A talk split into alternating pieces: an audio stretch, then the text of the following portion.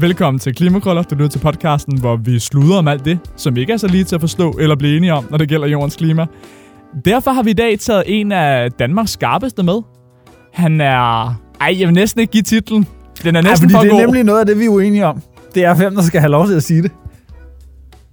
Lars Gården Hansen, han er en af de fire økonomiske vismænd i Danmark, men ikke nok med det, som Dan Turell vil sige. Han er også den miljøøkonomiske vismand. Ja, lige præcis. Og det er vismand. Det er Altså for mig at se, så er det en fantastisk cheesecake, ikke? Man lægger en bundsolid bund med økonomi. I et hvert samfund skal økonomien være på plads. Det har han. Så har han lige det midterste lag, som er lidt mere fremtidssynet, lidt mere grønt, ikke? Altså, lidt mere hypet, ikke? Det grønne klimaet, hvor er det fedt. Det er han også ind over. Og så har han altså toppingen med titlen Vismand. Kæft, det er lækkert, mand. Det er nemlig helt oplagt, og vi glæder os helt vildt til at få ham øh, i studiet. En anden, vi også glæder os til at få i studiet, men som lige nu har lidt dårligere odds, vil jeg sige. Nej, det nej, er, er det rigtigt? øh, I har gættet rigtigt, det er Dan Jørgensen. Han, øh, Er isen tynd? han er, øh, må vi ikke glemme, altså øh, klimaminister. Han har, også, øh, han har også andre ansvarsområder, men det er ingen af dem, han beskæftiger sig lige med oh, nej. i øjeblikket. Han øh, er helt optaget af, at vi slipper restriktioner og, og hvad ved jeg. Jeg synes, det er lavt hængende frugter. Ja, det er, altså, så læfler man virkelig på publikum, når man begynder at være på den vogn. Og vi skal ikke gøre meget mere ud af det. Vi må bare sige, det ser, øh, det ser Det er da for let købt, og vi forlanger noget mere. Kurven går den forkerte vej lige nu for den, men vi satser på, at vi næste uge kan give en melding om, at han, at han er på vej. Ja, men skal vi, ikke, skal vi ikke bare lige sende et, øh, altså et lille notat til ham? Sige, øh, stram op, og så øh, håber vi, at, øh, at det forbedrer sig til næste uge. Åh, oh, I'm helt enig. Helt enig. Øh, jeg synes, i sidste uge, der havde vi jo et lille citat fra Jacob Ellemann Jensen med. Men det var tilbage fra 2019, hvor han talte om det her vildsvinehegn. Og vi skal jo huske, at Venstre er blevet et helt andet parti siden da. Helt, helt Altså, andet. nu er det jo rent faktisk et grønt parti, ikke? Så derfor så tænkte jeg, at øh, jeg vil lige give dem en chance. Og jeg gik ind på Avisen Danmark, den der digitale avis. Og jeg glæder mig til at se, hvad du har stuet op fra Avisen Danmark. Ja, det kan jeg godt forstå. En lille reklame, en lille skud til dem. Der er deres nye klimaoverfører, Marie Bjerre. Altså, i min optik er hun i hvert fald ny, for jeg tænker stadig på Tommy. Tommy Boy, Tommy Ahlers, som deres klimaoverfører. Ej, han var så god. Han var rigtig god. Det er jo den, ikke er der. Men Marie Bjerre, hun har ude til at udtale sig om, øh, om sådan en CO2-skat, som vi alle sammen gerne vil have. Hun siger, jeg oplever, at venstrefløjen har så travlt med at opnå den her 70% målsætning, at man er ligeglad med, at arbejdspladser og CO2-udledning rykker til udlandet. Det er en form for klimanationalisme, og den går ikke. Nej, enig. Ja, den er fandme også billigt købt. Hold da kæft. Jamen altså, vi kan, vi, vi kan ikke rigtig uh, rykke på noget her, fordi at, uh, det, det bliver bare outsourcet til udlandet. Lad os forholde os til status quo. Det er sådan en kort, man bare altid kan bruge og sige, at der er intet sted i verden, vi skal starte, fordi Men det er da perfekt. Vi er ikke rigtig... Uh, det ser tungt ud på begge fløjer, hva'? Jeg tror, øh, jeg tror, hun skal have chancen for at, at forsvare sig. Jeg er helt, helt enig, men altså, hvad, hvad er hendes forsvar? Er det fordi, hun vil give al Danmarks suverænitet til FN og have en overstatslig regering, der styrer hele verden, eller hvad? Det er dig, der har læst artiklen. Nej, men det- artiklen fortsætter bare med, at, René Christensen fra Dansk Folkeparti, han er, Han er han, han, han er lige så sur. Glimrende. det her er ikke bare skrækscenarie, for verden er lille. Og jeg tror, at klimaet hellere vil have, at der står 100 køer i Danmark, hvor der forskes og arbejdes på at reducere CO2-ledning, end at de står et andet sted. Og det handler om, at hun synes, og det er en synsning, at vi lægger CO2 ud af Danmark, når vi nedlægger arbejdspladser i landbruget.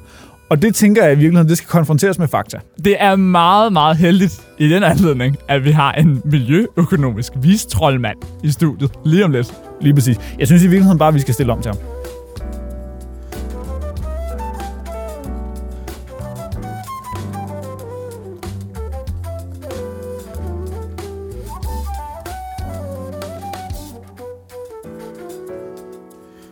Jamen, øh, velkommen til, Lars. Jo, tak.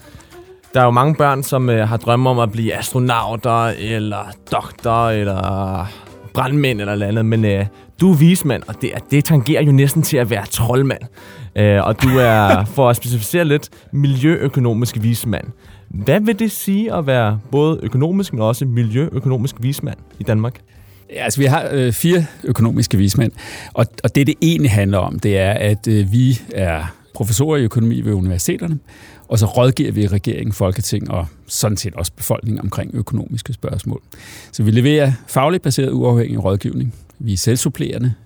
Så det er ikke, vi er ikke politisk udpeget, og, og så er det vores job at holde os på det faglige spor, så vi ikke bliver politiske, om jeg så må sige. Og en af de vismænd er specialiseret i miljøøkonomi, og det er mig. Og det er dig. Fantastisk. Og med, og med dig i studiet, så kommer vi til at lege med på en præmis, vi normalt ikke godtager helt her i programmet. Og det der med at sige, hvad er den billigste måde at lave den grønne omstilling på? Og det er vi egentlig meget interesseret i, i at høre fra dig. Hvad er det for nogle redskaber, man skal tage fat i i Danmark, hvis man skal lave den grønne omstilling så billigt som overhovedet muligt? Princippet er relativt enkelt. Det redskab, det hedder en CO2-afgift. Det er den måde, du opnår den, den billigste grønne omstilling. Og grundlæggende hvorfor? Det handler om, at en CO2-afgift gør, at du får markedet øh, på klimaets side, om jeg så må sige.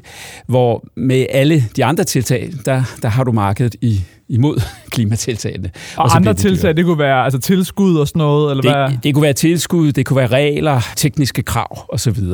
Øh, der arbejder man ligesom imod markedet, og øh, det prøvede Sovjetunionen i, i 70 år. Det, det, Mm. altså, det er relativt dyrt og ueffektivt.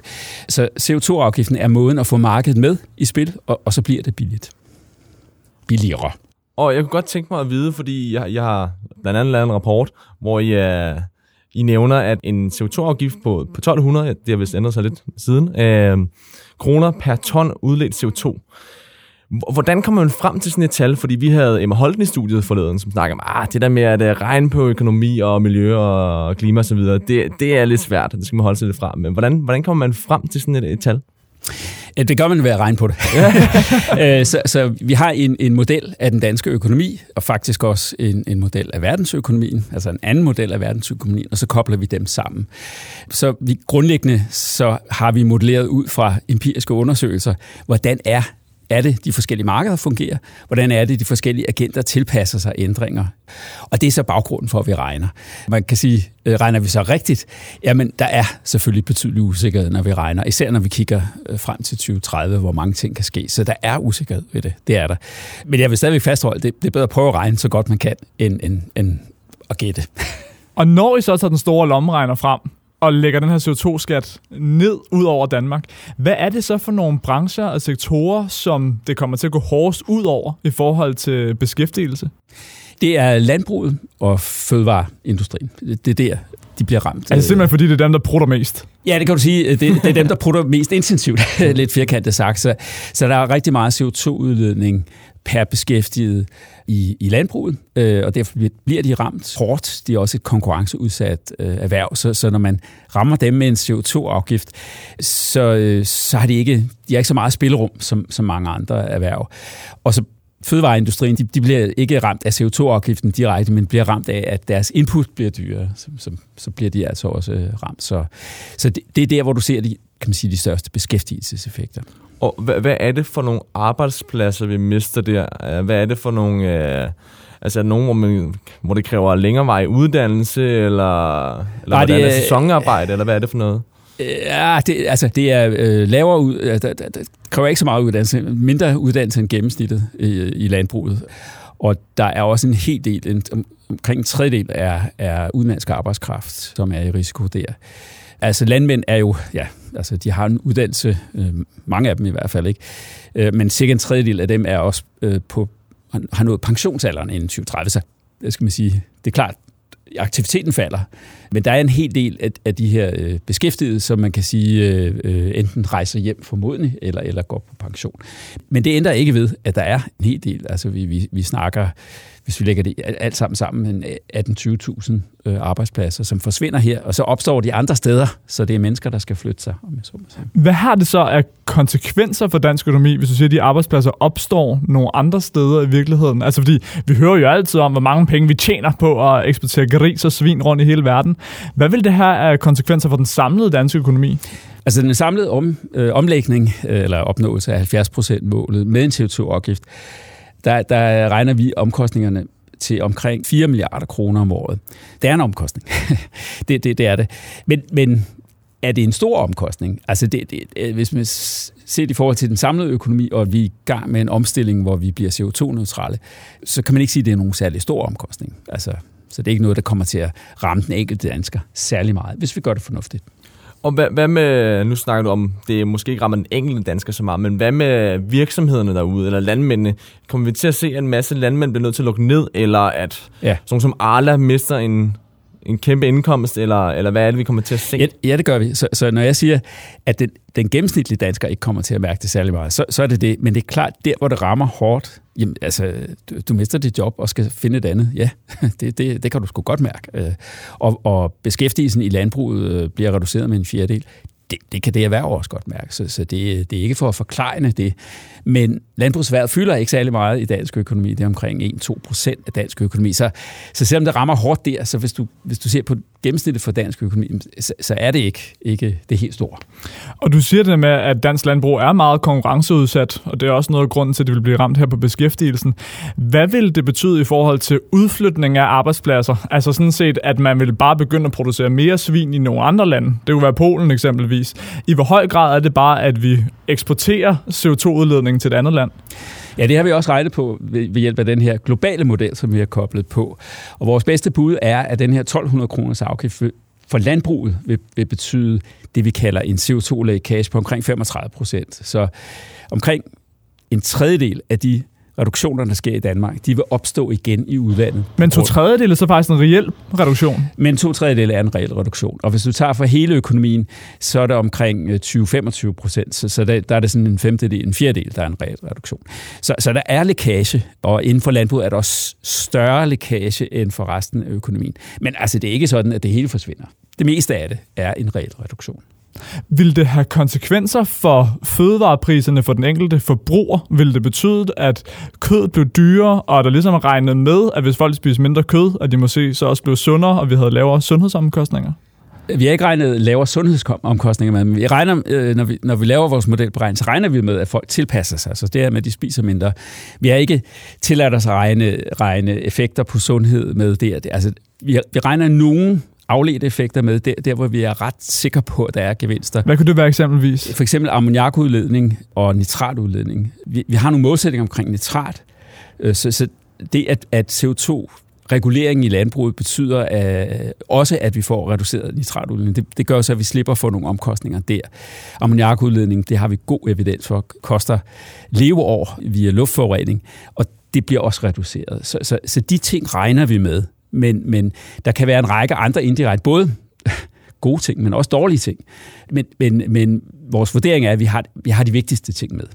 Vi får snart Bo Alberling i studiet, som nemlig snakker om carbon og nitrat og så videre i jorden, så det tror jeg, han bliver rigtig glad for at høre. Jeg kommer også til at tænke på, hvor meget kommer ligesom ind i de her modeller, for jeg ved, når I kigger på bilkørsel for eksempel, så, så kigger jeg også på nogle, nogle eksterne effekter, hvad, hvad kommer det til at koste og så videre. Men i hvor høj grad har man også det, at man bliver nødt til at omlægge hele infrastrukturen med i de her økonomiske beregninger? Den model, vi regner på, det er en, det, man kalder en ligevækstmodel. Så, så vi sammenligner samfundet i ligevægt nu med samfundet i ligevægt efter man har lavet tilpasning. Okay. Så det, det, man kalder de der indgangsinvesteringsomkostninger, det har vi kun delvist med. Så det vi har med, det er, at man skal man skal skifte kapitalapparater ud, og man skal afskrive noget af det hurtigere. Så det har vi sådan set med i, i beregningen. Okay. Men det, at der kan komme en periode, hvor nogle af de her folk, der skal skifte job, er arbejdsløse øh, mere, end de ellers ville have været, det har vi ikke med for eksempel. Så, så der er nogle af, af de her overgangsomkostninger, vi ikke har med.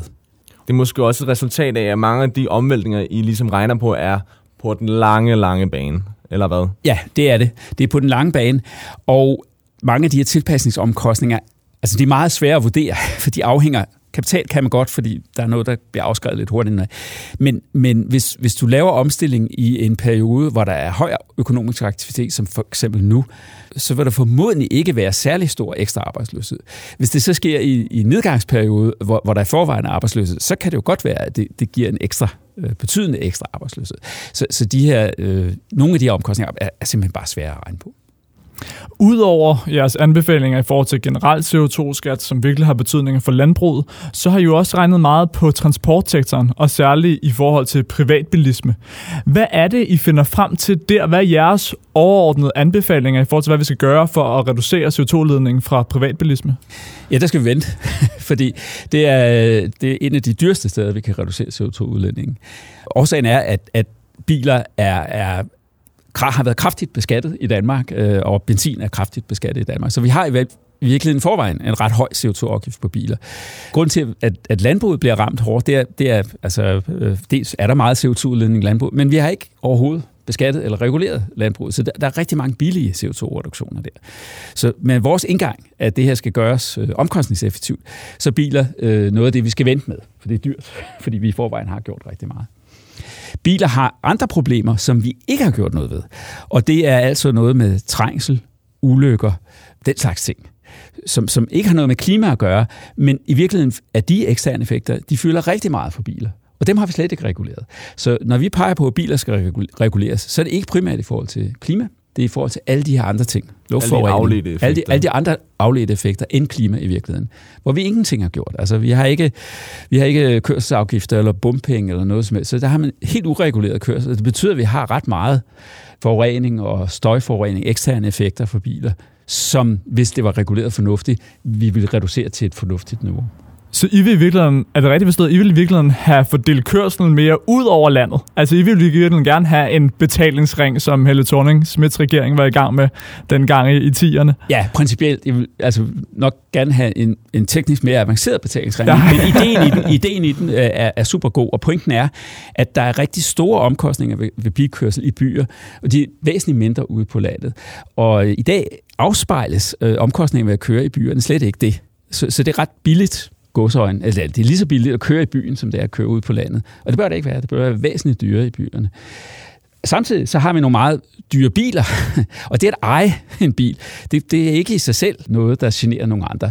Så det er også vores forslag, at vi omlægger afgiften, vi fjerner registreringsafgiften. Det, det, det, det vil i virkeligheden betyde, at får det, du siger, at folk ude på landet, de får råd til, lavindkomstgrupper ude på landet, får råd til at købe en bil og, og, og bruge den. Det, det får de meget stor nytte af, fordi det er ret bøvlet. Der er ikke så god kollektiv transport derude. Omvendt, så vil folk i byerne, øh, de, vil, de vil få billige, billigere biler, men det bliver så dyrt at køre i dem, at de køber færre biler. Så vi får simpelthen mindre øh, kørsel i byen. Så vi kommer til at se flere Land Rover? Og så. Flere Land Rover, og de kører ude på landet, og, og færre biler i, i byerne. Ja. Så det er rent faktisk dig, der kommer med den gode løsning i morgen? det er dig, der har den med her i hatten? Ja, og, og vi siger så ikke i morgen, vi siger i 2030, fordi det her er en meget stor omlægning, og der er nogle tekniske øh, udfordringer ved, ved at lave sådan et kørselsafgiftssystem, som skal løses. Hvad er altså. det? Altså, hvad, fordi du sagde nemlig, du vil prøve at strække den mere intelligent sammen, men det der med at have en mur rundt om København. Hvad er en mere intelligent teknisk løsning? Ja, den, den optimale løsning får du ved sådan et GPS-baseret system, hvor du grundlæggende ser, hvor den enkelte bil kører, og så betaler man afgift efter, efter det. Samtidig skal bilisten selvfølgelig hele tiden have at vide, her kører du altså et dyrt sted, så vi, vi kender det jo, alt, vi, vi, vi kender det jo selv, når vi, når vi ruteberegner og sådan noget. Så det, sådan, i princippet er det, er det bare, at man oven i, i det får at vide, jamen det, det, det er en dyr rute, hvis du kører den her rute, er den billigere. Eller hvis du kører lidt senere, er det billigere. Så det tekniske, altså princippet burde kunne løses, men det skal løses jo. Øh, så, så, så der, der er noget tid til det. Og så er der et andet issue, som jo er vigtigt det er det her overvågningspointe. Ja, det, altså, det tænker jeg nemlig også. Der må være en udfordring i at få alle folk til at køre med en GPS på deres bil. Det, det er der, øh, og, og øh, man kan sige, et er, hvis du at du skal betale afgift, men noget andet er, at øh, man kan være bekymret for, om det her betyder, at det offentlige ved, hvor du er hele tiden. Og, og så, så, så givet, at man ikke vil have det, det, det det kan godt være, at man ikke vil have det, man godt vil have, have nogle grænser der, så handler det jo om at finde en teknisk løsning, hvor du på den ene side kan beregne afgiften, få oplyst afgiften, men på den anden side sikrer dig imod, at, at der er sådan en total overvågning af, hvor folk er henne. Men altså, fantastisk. Vi har været øh, lige fra landbruget til privatbilisme, og som vi kan forstå, vi skal starte med at gøre noget med landbruget, og så kan vi det er altid... billigt. ja, så kan vi lidt senere ned ad vejen til, at vi også gør noget ved, ved bilismen. Det er simpelthen en fornøjelse at have dig inde, Lars. Jo, tak. Jeg, jeg synes, at øh, vi er blevet meget klogere, så øh, jeg synes, du lever fuldt op til, til vismands titlen. titlen ja. Ej, ja, det er godt. Ja, det, det er godt at høre.